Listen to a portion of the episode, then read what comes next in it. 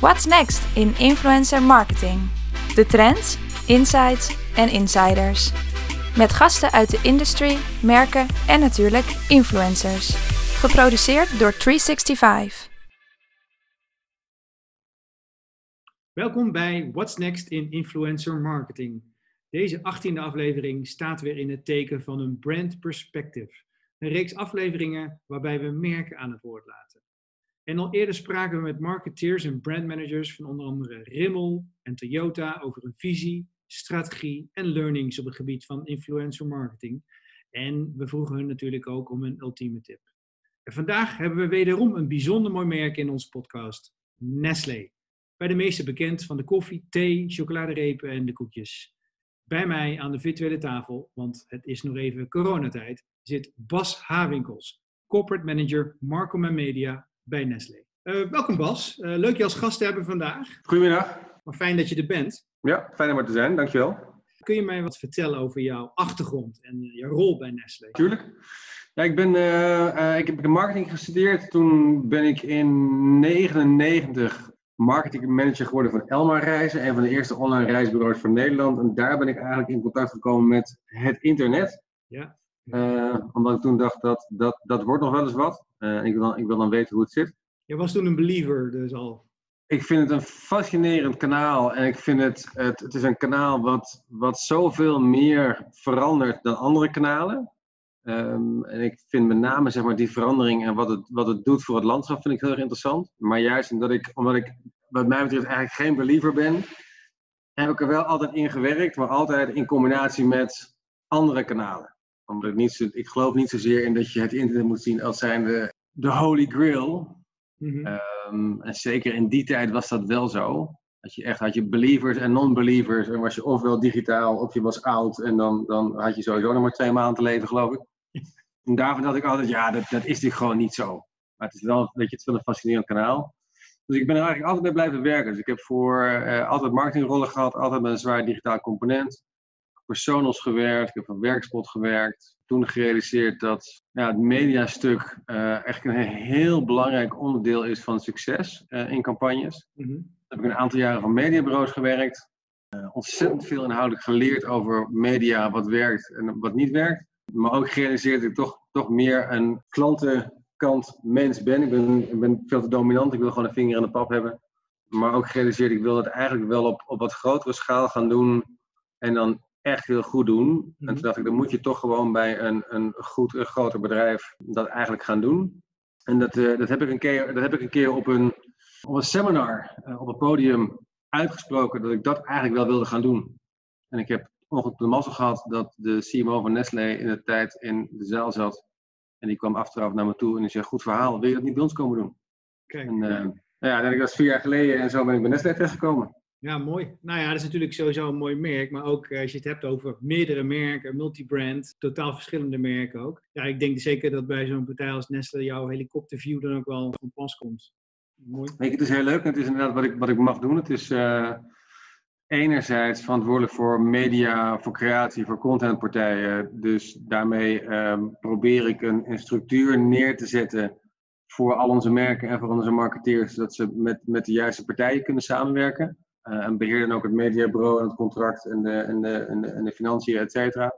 Ehm, anderzijds ook gewoon echt hands-on eh, proberen de marketeers en de merken te helpen met de juiste strategie, met de juiste keuzes, met de juiste campagnes. Ja, en wat jij zegt, het, weet je, ik kan s ochtends met, met babyvoeding praten, s middags met kat, Ki- KitKat, tussendoor nog eventjes met koffie en aan het einde dag met, eh, met dierenvoeding. Nou, laten we even inzoomen op, op een van de kanalen. Influencer marketing. Nou, als je nu naar het nieuws van de afgelopen tijd kijkt, qua influencer marketing, wat is jou dan bijgebleven en, en waarom? Wat mij opvalt, is dat voorheen was het heel gescheiden. Je had, je had eh, tv en, en je had eh, eh, digitaal en je had influencers. Ja. En wat, ik, wat mij opvalt is dat er dus nu, hè, natuurlijk een aantal grote tv-partijen, mediapartijen hebben influencers en netwerken overgenomen en gestart. En je ziet nu eigenlijk een soort crossover van influencers naar televisie gaan. Ehm, ik ben eigenlijk heel erg benieuwd wat daarachter zit omdat je eigenlijk als influencer zou je denken dat je, dat je digitaal gezien veel meer vrijheid hebt dan dat je op tv hebt.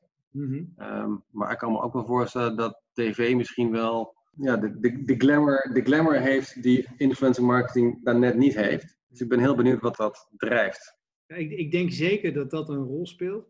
Maar ik denk ook wat jij net eerder noemde, het is niet online, het is niet offline, het is niet een of het ander. Maar ik denk ook de mix, eh, dat dat ook iets is wat adverteerders willen. En dat dat ook iets is waar de grote, ja, de grote publishers eigenlijk, de media eigenlijk, ja, die, dat zij die vraag hebben gekregen. En daar ook hebben geacteerd door eigen netwerken, eigen influencers te koppelen aan hun programma's. Je ziet natuurlijk ook de uitgevers doen. De, de, de, de Linda met uh, influencers in de redactie. Ja. Um, nou ja, ik denk dat ook uh, een RTL dat ook goed begrepen heeft en uh, John de Mol.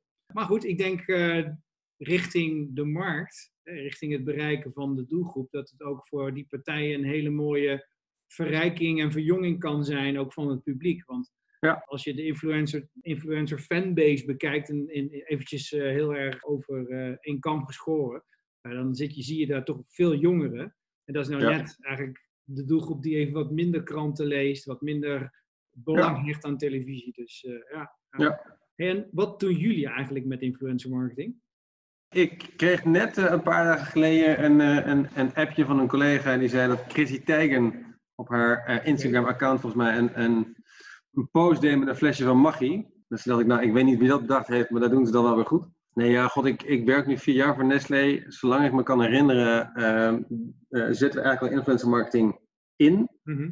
Wat ik zelf merk is dat we het, dat we het vaak voor consideration inzetten. Op het moment dat, jij een, uh, op het moment dat wij een merk hebben waarbij we bedenken, ja, als wij die boodschap gaan uh, uitzenden via advertising, is dat misschien niet de meest geloofwaardige route. En eigenlijk hebben we nog iemand nodig die, dat, die ons wat extra geloofwaardigheid kan geven, of die het verhaal op een hele leuke manier naar voren kan brengen, met een, of met een eigen twist, of met wat meer, met wat meer variatie erin. En ik merk dat influencer marketing daar eigenlijk een, een, voor ons een hele goede rol in speelt.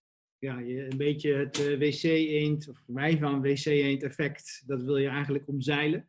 En de, de, de, nou ja, in de consideration fase, daar zijn mensen natuurlijk op zoek uh, en ze gaan het oriënteren. Dan helpt het natuurlijk om daar een bekend gezicht in te hebben die op een persoonlijke manier die boodschap kan overbrengen. Ja. Dat is natuurlijk ook aan de core ook wel uh, influencer marketing. Hey, en je zegt ook consideration heel bewust. Ja. Is dat dan vaak de primaire KPI? Nou ja, god, kijk, ik doe niet altijd. Hè. We, we, we, een van de dingen die ik heel fijn vind van, van Nestlé is we, we, we meten heel veel. Dus het research stuk aan de achterkant is heel, is heel goed. Mm -hmm. uh, dus dat betekent dat we van alle merken heel helder hebben wat de funnel is. Uh, en dat betekent dat je van alle merken ook heel duidelijk kan zien aan welk knop je moet draaien om te zorgen dat alles beter gaat lopen. Dus je, je kiest in campagnes heel duidelijk voor, is het, hebben we een awareness probleem, hebben we een consideration probleem, hebben we een, een, een, een purchase probleem. Weet je, waar, waar zit het knelpunt? En dan ga je kijken welke, welke middelen moet je inzetten om dat knelpunt te fixen. En ik merk dat uh, influencer marketing eigenlijk bij ons altijd wordt ingezet voor consideration. Juist omdat je, uh, kijk, als je hem, als je hem gewoon, als je hem uh, op de achterkant van een biertje, bierveeltje neerlegt, weet je, awareness, er zijn er betere, betere manieren te vinden om awareness te halen dan influencer marketing. Mm -hmm. um, dat je daarvoor is het, vind ik, te vluchtig. En dat je meer de onderkant van de funnel, uh, is het ook nog niet heel succesvol in mijn optiek. Terwijl als je iemand het verhaal kan laten vertellen en je kan daarnaast nog alle vragen die er zijn laten beantwoorden in de comments, mm is dat heel goed voor consideration. Omdat je daar kan uitleggen wat het product is. Maar je kan ook in de, uh, in de comments en het verhaal eronder ja. met meerdere mensen een hele discussie aangaan over maar waarom moet je dan het product kopen? En waarom is het een goed product? En wat vind je er fijn aan? Et cetera, et cetera. En dat zijn eigenlijk maar heel weinig andere kanalen die daar, die daar ook heel goed geschikt voor zijn. Ja, ja, dat, brief jij daar ook uh, de influencers op die, uh, die worden ingezet om, om, bijvoorbeeld ook de comments in de gaten te houden? Ja. ja. Nou, dat vergt ook wel een stukje goede match, als ik dat zo hoor. Want je wil dan ook echt, en het klinkt altijd als een open deur, maar je wil ook echt diegene hebben die eigenlijk al een soort ambassadeur van je merk zijn, die dus intrinsiek gemotiveerd zijn om met het uh, merk in kwestie dan, dan te werken. En dan vloepen die comments natuurlijk ook zo eruit. Dan ja, maar dat is, weet je, dat is, dat is, dat is helemaal waar. Het is, het is een open deur, maar het is, weet je, dat geldt, voor, dat geldt voor alle vormen van communicatie zo. Als jij een spokesperson hebt, moet die spokesperson ook iets hebben met jouw merk. Weet je, als jij kijkt naar, uh, het, het gezin wat bij Jumbo bijvoorbeeld wordt gebruikt voor tv-reclames, weet je, die moeten ook passen uiteindelijk bij, uh, uh, bij Jumbo. Ja, dus precies. Dus voor influencers is dat niet anders. Dat moet, dat moet niet een, een, type zijn wat totaal uit de rol of de, de, zeg maar, het DNA valt van de typische Jumbo-bezoeker. maar ik vind ook, daar heb je al een punt, dat, dat hoort ook op te gaan bij het type influencer wat, je in, wat jij eigenlijk inzet. Dat zou ook de typische Jumbo-klant, als voor Jumbo zou zijn, dan moeten zijn. Want dat betekent, als je een match hebt op brand DNA en type influencer, dan heb je ook eigenlijk meteen een goede match met de doelgroep die erachter zit. Uh, ja. Want al, ja, noem maar wat, als we even bij Jumbo blijven, uh, stel die uh, zet een wat meer glamour influencer neer, wat eigenlijk helemaal geen match is met het DNA van Jumbo. Ja, dan heb je ook geen match met degene die erachter hangen, de fans die erachter hangen, die ook die influencer volgen voor die bepaalde lifestyle. Dus ja. nogmaals, ja, het klinkt inderdaad als een open deur, maar daar gaat er nog wel heel vaak mis. Nou, goed om te horen. Ja, die is, die is heel belangrijk. We hebben bijvoorbeeld, en daar kan je wel mee spelen, hè? Dus het is leuk om een beetje te rekken. We hebben bijvoorbeeld voor, uh, uh, voor Garden Gourmet hadden we vorig jaar een hele campagne, hadden we een, uh, een vegetarische hamburger. En, en, belangrijk is bij dat soort dingen is dat, is dat het, het, moet leuk zijn om te maken natuurlijk. Hè? als, je gaat, als je gaat barbecuen en je wil een hamburger, dan is het, dan is het klaarmaken van de hamburger is ook een groot deel van, van het plezier. Ja. Dus wij hebben een, een hamburger gemaakt die op het moment dat je hem op de barbecue legt, is die, nou ja, laat ik zeggen, je grilt hem alsof het een echte barbecue, alsof het een echte hamburger is. Ja. Um, dus we hebben toen uh, vice van de, de, jeugd de, gevraagd om, om dat ook te doen. Ja, je, je weet, want die, want die jongen kan heel leuk koken, maar je weet ook, die gaat, die gaat, wat zeg je? Vegetarisch. Ja, vegetarisch, maar je weet ook dat die gast gaat zich natuurlijk nooit aan het script houden wat wij uh, aan hem gevraagd hebben. Dus die zit vervolgens met zijn vinger in die hamburger te duwen en die zegt, ah, wil je kijken man, dan komt er maar bloed uit, het is net echt. En ja, weet je, dat is natuurlijk niet, niet wat in de script stond, maar dat is, weet je, het is wel, ja, hij was wel, weet je, hij was wel enthousiast. Hij heeft vervolgens ook veel meer filmpjes gemaakt dan we gevraagd hadden. Weet je, uiteindelijk is dat wel wat je wil. Dus je kan wel, je kan wel heel correct uh, een aantal mensen erbij nemen die helemaal passend zijn, maar dat zorgt er ook voor uh, dat je waarschijnlijk niet opvalt. Dus op het moment dat je juist een beetje aan de randen gaat zitten, denk ik dat het, dat, het, dat het ook beter werkt. Ik hoor ook heel duidelijk dat je de creatieve vrijheid ook voor een groot gedeelte bij die influencer houdt. Dat uh, zie ik ook wel echt als succesfactor. Ik kan natuurlijk wel brieven wat het verhaal grofweg zou moeten zijn. Maar ja, zo'n influencer weet natuurlijk als geen ander uh, ja, wat werkt bij hem en wat past ook bij hem of haar.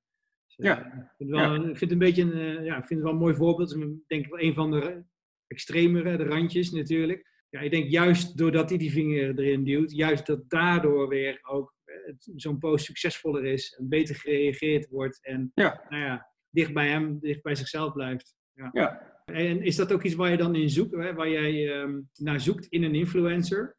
Uh, die, die authenticiteit? Ja, ik denk dat, ja, ik denk dat authenticiteit heel belangrijk is. Uiteindelijk, eh, weet je, je, je, je, je, vol, je volgt iemand omdat je, omdat je omdat je er iets mee hebt, laat ik het zo zeggen. Ja. Uh, dus op het moment dat die op een authentieke manier zeggen: uh, Ik ben ergens heel erg fan van, ja, dan ben je toch geneigd om dat te geloven. Ik denk dat iedereen zich in zekere mate identificeert met de personen uh, die die volgt. Dus als je die, als je die lijn van de authenticiteit houdt, dan zit je goed. Op het moment dat je dat heel erg reclames gaat zitten doen, mm ja, weet je, dat, dat, um, ja, dat, ja, sorry, maar dat slaat natuurlijk helemaal nergens op. Nee, dan ga dan een commercial maken, inderdaad. Ja, weet je, dat, weet je jij zei net, uh, dat, dat vond ik aardig, jij zei net, uh, wij van WC Eend adviseren WC Eend. Weet je, dat, het, ik heb later bij ons op kantoor Millennials moeten uitleggen dat dat, dat, dat echt, dat het niet zomaar een spreuk is, maar dat het echt een reclame was vroeger. uh, maar dat, weet je, wat daar zo heel goed werkte, is het was natuurlijk volledig over de top. Ja. Uh, en dat werkt. Dat maakt het wel, ja. Ja, dus daarom, waar, daarom werkte het toen. Weet je, ik denk als je de reclame nu zou uitzenden, zal die nog steeds werken. Um, maar je moet het wel, je moet het, je moet het gewoon echt doen. Ja, eens. Even terug weer naar het begin. Jij vertelde ook, um, ja, die mix is belangrijk. Ik denk dat voor veel merken het een uitdaging is om influencers in de marketingmix te integreren. Hoe, hoe kijk jij daarnaar? Er is niet één middel wat of een kanaal wat heilig is. Influencers is natuurlijk nooit een doel op zich. Alleen als je, als je denkt dat het interessant is, dan, dan ja, het simpele antwoord is, je moet het gewoon gaan doen. Je, bij Nestlé hebben we gelukkig een, een, een policy dat 10% van je campagnebudget um, moet experimenteel zijn, omdat dat de enige manier is waarop je marketeers uh, faciliteert om nieuwe dingen te doen. Dus je, je, je, moet de angst er ook gewoon, je moet de angst om te falen moet je eruit halen. Ja, ja. Uh, en je moet mensen uh, ja, supporten om gewoon dingen te doen en te kijken wat werkt. Ja, ik heb wel eens, weet je, ik heb wel eens een discussie met mensen zeggen, ja, maar ik, ik weet niet of ik het nou moet doen. En denk ik, wat is, wat is het ergste wat er kan gebeuren? Ja, er, is dan, er is dan nooit iemand ontslagen omdat hij 10% experimenteel budget heeft ingezet. Ja, uh, en of dat nou bij ons is of bij een ander bedrijf, dat, gebeurt er gewoon niet. Dus ik, weet je, het, op het moment dat je denkt dat het interessant is, weet je, dan vind ik altijd, dan moet je het, dan moet je het gewoon proberen. Dan weet je gewoon wat het gedaan heeft. Dat je zet er een klein percentage van je budget achter, kijk wat het doet. Dat je kijkt het een paar dagen aan, werkt het goed, zet je het groter in, werkt het niet, kan je, kan het weer stilzetten. Er zijn zoveel dingen die, ja, die, die, die gebeuren, waarvan je heel lastig kan zeggen van tevoren of het nou gaat werken, ja of nee. Het enige wat je kan doen is gewoon het, het inzetten en ervan leren en kijken wat het doet. Ja, anders leer je het nooit. Als je niet inzet, dan kom je inderdaad ook niet verder. Hè? Dus uh, als je doet wat je altijd uh, hebt gedaan, dan, hè, dan, dan krijg je dus ook wat je altijd hebt gekregen. Ja. Nou, ja. hele mooi. Maar, maar, betekent dat dan dat influencer marketing bij jullie 10% is? Of is het inmiddels al gegroeid? of... Je ziet een paar merken die het doen. En die doen het dan succesvol. En daardoor denken andere marketeers weer, hé, hey, dat hebben zij gedaan. En, en weet je, mag ik het ook? En, uh, en wat, wat, moet ik doen dan? Ja. Nou, zo gaan steeds meer mensen het doen, gaan steeds meer partijen het doen, gaan steeds meer merken het doen. Uh, en op een gegeven moment ja, heb je het, hebben ze het een paar keer gedaan en blijkt dat het merk werkt. Ja, aan het begin zit het dan gewoon standaard erin. Dus we zien bijvoorbeeld bij, weet je, bij Maggi doen we het steeds meer, ook wel structureel. Bij Garden Gourmet, een Dito, uh, drinks, hè, dus koffie, Dolce Gusto, Nescafé, worden, ook, worden ook steeds vaker ingezet. Um, en we hebben het laatst zelfs ook voor uh, Purina gedaan, onze dierenvoeding uh, uh, merken. En daar hebben we hem zelfs zo ver getrokken dat we hebben gezegd, ja, het is, het is misschien niet eens meer interessant om mensen in te schakelen om te praten over wat voor voeding ze maken of wat voor voeding ze nemen voor hun huisdier. Mm -hmm. Er zijn ook heel veel mensen die hebben gewoon een Instagram-account voor hun huisdier. Ja, en die hebben waarschijnlijk meer volgers dan henzelf. Uh. Ja, precies. Uh, ze, hebben gezegd, ze hebben een, uh, hebben een, een, een catfluencing campagne opgezet. Mooi. mooi. waarbij we dus alle accounts hebben, hebben ingezet van ja, katten, kattenaccounts. En hoe heb je die katten dan betaald in Natura? en ook. Ja. dus die, krijgen uiteraard een, wat, wat lekkers te eten. maar dat was onwijs leuk om te doen. Mooi. Dat zouden echt meer merken moeten doen. Gewoon lekker, uh, met dat eventjes totaal wat anders. Dus, hoor je niet vaak, maar wel een mooie campagne. Nou, dat we serieus nog, of we hebben serieus, we hebben, uiteindelijk was het niet serieus, want dat hebben we nooit gedaan. Maar we hebben even nog een discussie gehad met, uh, met UM of we het persbericht de wereld in zouden sturen dat uh, influencers naar het volgende level waren gestegen. Um, en dat um, UM een aparte label zal starten voor dieren-influencers. En dat Nestlé daar launching client voor zou zijn. En uh, uiteindelijk wat, hebben, we dat, hebben we dat wel nog eventjes bedacht, maar is dat een, een stille dood gestorven helaas. Was een mooie geweest voor 1 april ook. Ja, toch? Ja. ja. Um, als je even kijkt naar de, naar, de, naar, de, naar de toekomst, even ook naar nu. Want jij zei net iets, dat triggerde mij heel erg. En met experimenteren, dan ga je op een gegeven moment uh, leren. En dan ja, bij succes kun je daar op verder gaan, om voortbeduren. Je ziet dat heel veel merken nu ook in deze crisis kijken van oké, ja, wacht even, wat werkt nu?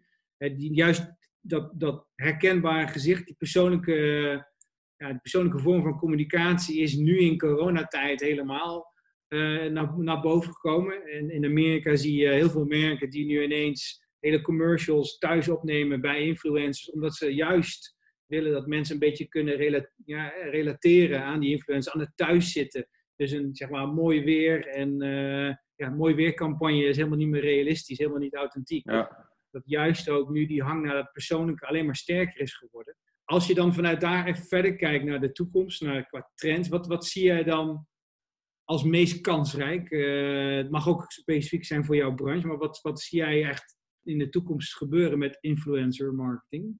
Ik denk dat het een heel, heel vast onderdeel uh, een heel vast onderdeel wordt.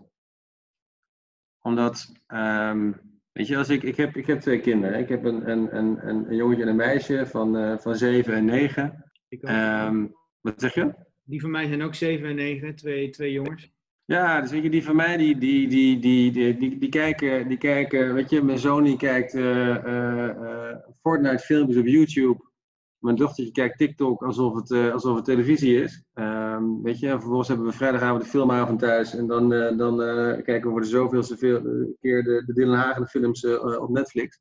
Ja, weet je, dit, klinkt een beetje oud, maar zoals ik vroeger alles van Van Cote en de Bie verslond. Mm -hmm zijn dat voor de nieuwe generatie zijn dat influencers. En dat zijn de nieuwe tv-sterren, de nieuwe celebrities. Het zijn, het zijn de mensen waar je naar kijkt. De mensen waarvan je het fijn vindt uh, om content van te zien op het platform uh, wat zij prettig vinden. En of het nou Instagram is, of, uh, Twitch, of TikTok, of welk, welk platform het er verder is. Dat is gewoon, ik denk dat dat gewoon de nieuwe norm is. Als ik even terugkijk naar bijvoorbeeld opkomst van internet. Hè, dat was natuurlijk een beetje een nieuw kit on the block het heeft nu zijn plek verdiend. Nou ja, niet alleen in de mediamix, maar ook op eigenlijk de manier waarop we met z'n allen werken en leven. Uh, social media als grote beweging, mobile. En nu dus ook inderdaad een, ja, nieuw type uh, wat eigenlijk leeft daar op social en, en, en online, de, de, de, influencer. En ja, ik denk dat zeg maar, het hele social stukje, transparant worden, zelf kunnen vinden van, van, van mensen die ja, een bovenmatige nou, expertise of talent hebben, uh, ja, dat die een soort van megafoon hebben ge gekregen, een podium en goed vindbaar zijn en ook te volgen zijn. En dat dat eigenlijk ja, een shift is, wat, ja, wat nou ja, natuurlijk al een tijdje geleden is begonnen, maar wat nu echt door begint te zetten. En ik, ja, ik zie dat ook bij mijn, uh, mijn, mijn kinderen. Die, uh, letterlijk, misschien kijken ze net naar wat andere dingen, maar die kijken ook naar games op YouTube. En die, die kijken ook naar TikTok. En het is voor hun ook gewoon puur, met name TikTok, is gewoon puur entertainment ja. Uh, voor ze. En uh, er zitten ook hele grappige filmpjes tussen die ik dan doorgestuurd krijg via, via WhatsApp. Ja. Maar die kijken dus ook geen televisie uh, eigenlijk. Hè? Ja, ja, Netflix, maar geen lineaire televisie meer. Dus, dus nee, maar dat, dat, dat, vond ik, uh, dat, dat vind ik heel, heel grappig om te zien. Dat het, dat het Ah, dit wordt een hele slechte referentie, want ik ben, ik ben de, de, de, de naam kwijt. De jongen van Blendel, hoe heet hij ook alweer? Clupping. Ja, er is een, er is een, uh, er is een opname van Clupping versus oh, een, een, in ieder geval een hele gerenommeerde tv-recensent. En Clupping echt geïrriteerd, tenminste wat ik erin zie is irritatie.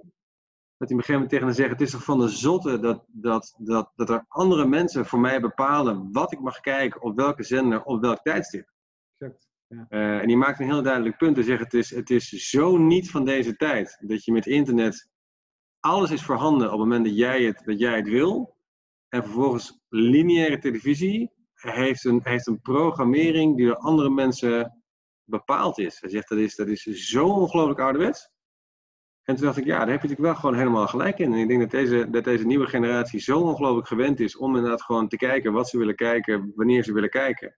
Ja, ja ik, ik, kan mijn, ik, ik heb echt heel veel moeite gehad om mijn kinderen uit te leggen dat ze tot zeven uur moesten wachten om het jeugdjournaal. Ik herken maar mijn kinderen die stonden te springen van boosheid als er een reclame doorkwam die ze niet konden skippen. Sterker nog, ik, toen ik het concept van reclame uit uh, ging leggen aan, uh, aan mijn jongens, toen zei uh, de ene, ja, je kent je weet toch wel uh, wat dat is, een uh, reclame? Ja, wat dan? Of een advertentie, je weet toch wat dat is? Zegt de oudste tegen de jongste. Ja, wat dan? Ja, dat is die knop op YouTube, de overslagknop.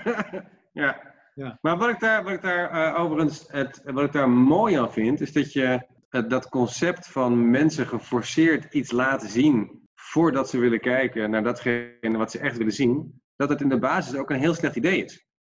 Ja, nog even een andere vraag tussendoor. Er zijn natuurlijk ook creators, influencers van eigen bodem. Hè, vaak medewerkers. Kunnen ook mensen zijn die uh, fan zijn van je merk. Het zijn ambassadeurs die je merk kunnen helpen laten, ja, helpen laten groeien. Ook wel homegrown influencers genoemd. En uh, ja, je ziet veel merken als nou ja, bijvoorbeeld IKEA, die een ambassador met dubbele punt op de A is gestart. waarbij zij zo'n, ja, geloof 150 uh, medewerkers en fans hebben gevraagd content te maken gedurende een jaar. Het heeft ze veel gebracht, hele mooie case. Hoe zie jij dat? Ehm, werken jullie ook met eigen medewerkers aan, aan, aan, zichtbaarheid? ja, ja ik, vind, ik vind het een, ik vind een, mooie, een mooi initiatief en een mooie beweging. Omdat iedereen heeft een netwerk. Mhm. Dus weet je, wij, jij en ik, wij zijn geen, geen influencers met, met, met 50.000 volgers. Tenminste, ik niet, misschien jij wel, ik weet het niet. Maar um, uiteindelijk heeft iedereen een netwerk. En of dat, uh, dus dat betekent ook dat op het moment dat jij iets post, is dat niet anders dan een reguliere influencer. Het is iemand met een bepaald netwerk, met een bepaalde geloofwaardigheid en een bepaalde mhm. authenticiteit, die een boodschap naar buiten brengt. Um, dus ik vind dat bedrijven die dat uh, inzetten eigenlijk heel slim en ook heel logisch.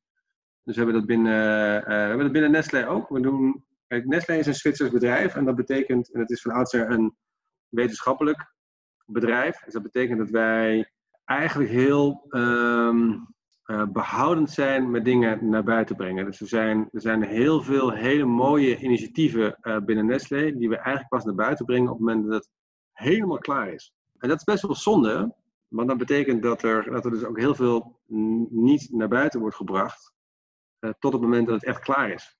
En dus wat we hebben is, we hebben uh, uh, We Are Nestlé, dus dat is een systeem, dat is een intern systeem waarbij eigen medewerkers dingen worden gefaciliteerd om dingen naar buiten te brengen op het moment dat ze, het dat ze er zelf trots op zijn en naar buiten kunnen brengen en het toch centraal onder één Nestlé boodschap wordt gedaan. En dat is gewoon onwijs leuk. En je merkt wel dat het, dat het te wennen. Juist omdat we een, een, cultuur hebben dat we uh, een beetje schuchter zijn met dingen naar buiten brengen, merk je dat daar de mensen ook wel voorzichtig zijn om het, uh, om het te gaan gebruiken. Maar ik denk dat het juist, juist daarom heel goed is om het te starten. om juist te zeggen, joh, weet je, er is, er is heel veel moois om te delen. en ik denk dat het heel slim is om je, om je medewerkers te faciliteren om dat nieuws naar buiten te brengen. Zeker weten. Die geven weer een totaal andere kijk op de zaken, weten ook het meest van, van, van producten aan de achterkant en uh, zijn ook daardoor vaak heel erg geloofwaardig. Hè? Het is natuurlijk hoe ze het doen, maar, uh, en het werkt ook heel vaak op een leuke manier in combinatie met externe influencers. Juist als die meer storytelling over een bedrijf willen geven, dat dan ook die mensen in dat programma naar voren kunnen komen en samen content kunnen maken.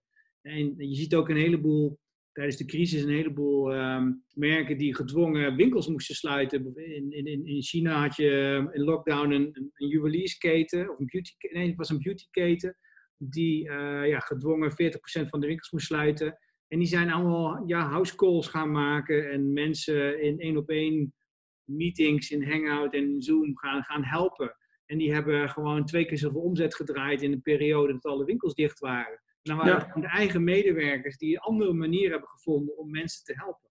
Ja, ja maar dat is het ook. Hè. We hebben, we hebben, en dat is, ook, dat is het, mooie, het, mooie, het mooie van internet, dat je, dat je daardoor zoveel meer, meer kansen hebt. We hebben, weet je, natuurlijk cacao-programma's, er wordt zo ongelooflijk hard gewerkt aan de, uh, aan de achterkant om dat, uh, uh, om dat goed te doen. Weet je, ik vertel als ik een feestjes dat het, dat het als je kijkt naar onze chocolaafdeling bijvoorbeeld, het, het lastige van chocola is dat mensen zijn gewend aan de, de zoete smaak van suiker. Ja. Maar je weet dat suiker eigenlijk heel slecht voor je is. Mm Dus suiker eruit halen is niet echt een optie. Want dan heb je niet meer de smaak uh, uh, waar je van houdt. Dus ik weet dat ze binnen Nestlé uh, bezig zijn om het suikerkristal uit te hollen zodat je wel zeg maar, de smaak van suiker hebt, maar je, je, je, je hebt niet het volume van inname van suiker. Nou, weet je, het feit dat, daar, dat er op die manier over nagedacht eh, wordt, vind ik ontzettend vet. Ja. En het kan een mooi zijn, mooie introductie zijn van een product, hè? dat hele proces zelfs al.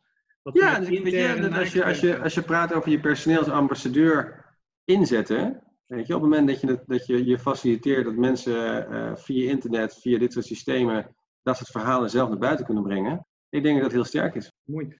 Nog even terug naar de toekomst. Zie jij daar ook een uh, rol voor de virtuele influencer? Uh, iedereen kent natuurlijk de Little Michaela. Zo zijn er inmiddels al, uh, al meerdere. Er zijn zelfs merken die eigen virtuele influencers hebben, zoals een Kentucky Fried Chicken, die hun Instagram-account nou ja, niet beheert, maar die daar vrij actief aanwezig is. Heb je daar al eens naar gekeken en, en zie jij daar ook iets in? Die heb ik echt even moeten googlen. Um, ik, vind hem, ik vind hem heel complex.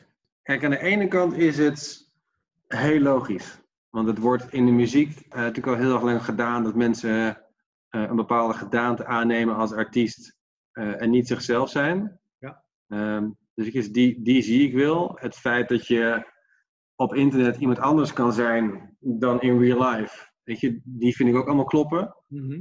Tegelijkertijd heb ik mijn twijfels. Dat je denkt, ja, maar je wil niet dat mensen zich gaan identificeren met een, met een fictief karakter. Omdat je bang bent dat ze zich ook daaraan gaan spiegelen. En dat is niet realistisch. Mhm.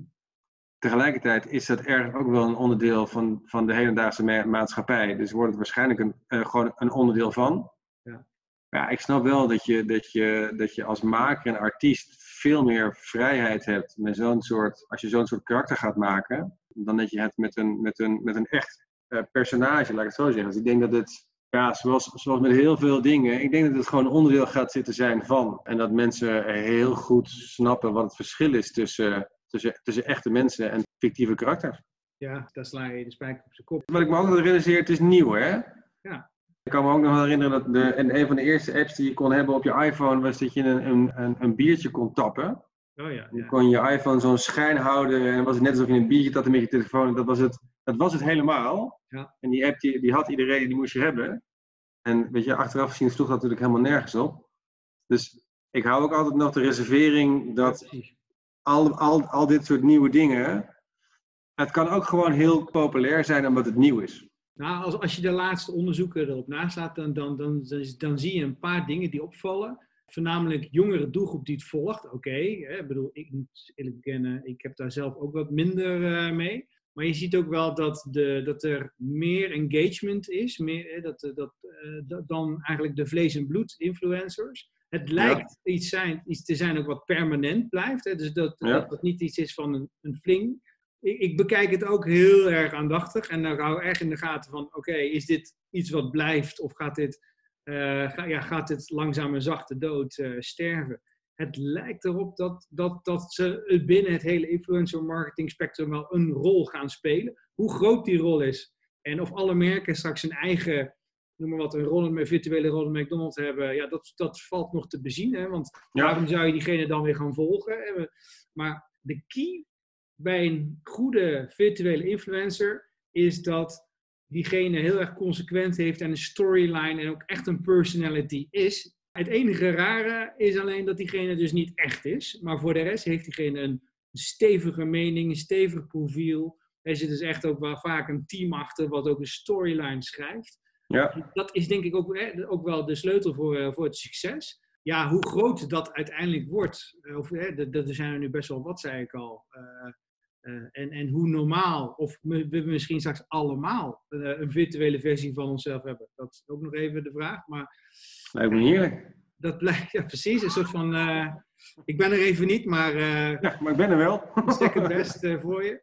Ja. Nee, dus het is een eh, ontwikkeling die ik zelf ook in de gaten, heel erg in de, gaten hou. Nou, letterlijk kun je wel zeggen. Dus nou, ik was ook wel benieuwd. eh, ja, stel, eh, nou ja, een vit, er komt een, een, een virtuele, virtuele kat die, die onwijs populair is. Ja, zou dat dan wel of niet interessant zijn voor een Purina? We hebben dezelfde doelgroep. Er zijn kattenliefhebbers eh, die die kat gewoon super cute vinden. Eh, die, eh, die zijn heel erg benieuwd wat die kat voor avontuur heeft iedere dag. En ja, dan in één keer, dan is dus ook eigenlijk die fanbase bijna, ja, zou je zeggen, net zo interessant als, als de fanbase van een echte kat. Ja, maar dat, weet je, dat is het ook. Hè? Ik denk dat je, dat, dat, dat je zeker, zeker gewoon in ons vak van marketingcommunicatie, ongeacht eh, iedereen die, die op een podium staat, niemand heeft de wijsheid in pacht. Nee, dat is waar. Echt helemaal niemand. Dus niemand, niemand, weet, niemand weet echt wat, wat het ding gaat zitten zijn over vijf jaar. Dus ik vind dat je alles wat er is gewoon moet bekijken. Alles eh, waarvan je denkt, oké, dat, dat zou best wel eens een keer iets kunnen zijn. Maar dat, dat moet je gewoon omarmen, dat moet je proberen. En je moet ervan leren en denken, oké, wat, wat werkt hier nou wel, wat werkt hier nou niet? Zodat als het echt wat is, weet je, dan weet je in ieder geval wat je ermee moet. En als het niks wordt, ja, dan heb je ervan geleerd. En dan, dan komt de volgende versie. Ehm, en dan, dan begin je alvast met een beetje ervaring. Ja. Dit klinkt eigenlijk al een beetje als eh, de ultieme tip, maar eh, ik ga je toch nog even vragen, want we gaan nu naar de afronding en ik ben toch wel benieuwd naar jouw ultieme tip voor andere marketeers. Is dat deze of heb je ehm, nog een andere tip voor de marketeers die, die luisteren? Jezus, de ultieme tip. nou, ik zou zeggen, waar ik heel erg in geloof, is het gewoon toch zelf doen. Dus weet je, ik krijg natuurlijk ook wel vaker de vraag van God, weet je, als ik meer wil leren van digital marketing, welke training adviseer je dan, weet je, um, wat, wat, is een goed opleidingsinstituut, et cetera. Ja. Mijn advies is altijd, neem, neem, ga, het gewoon, ga het gewoon een tijdje zelf doen. Neem gewoon één platform ja. en ga er gewoon twee maanden snoeihard op los. Ga gewoon eens een keer een tijd twitteren. Ga, uh, ga op Instagram. Ga video's maken. Ga, ga, ga gewoon zelf, zelf erop zitten en ga kijken wat werkt en wat niet werkt. Ja. Er is geen enkele opleiding die je kan leren hoe dingen precies werken. En ik vind zelf dat op het moment dat je er, dat je er zelf echt mee bezig gaat, dat je heel snel doorhebt wat werkt, wat niet werkt en waarom dingen werken. En dat kan je vervolgens meenemen in je werk. Dus ik, ik, ik ben altijd wel een aanhanger van, ga maar gewoon achter de knoppen zitten een tijdje. Ja. En dan, dan, eh, kun je, dan, ook kun je tenminste ook een goede eigen visie ontwikkelen. En dan weet je wat je wil en hoe je het wilt. En uh, dat helpt ook beter uiteindelijk, betere beslissingen te maken. Uh, omdat je zelf ook een beetje weet het werkt. Nou, ik vind het een goede tip. Bas, ik vind het helemaal geweldig. Ik vind uh, dat je een aantal mooie tips hebt genoemd. Goede learnings en insights met ons hebt gedeeld. Dan mag ik jou hartelijk danken voor uh, alle inspiratie en uh, jouw uh, aanwezigheid vandaag. Ja, graag gedaan. Dankjewel en succes. Ja, dankjewel. Jij ook.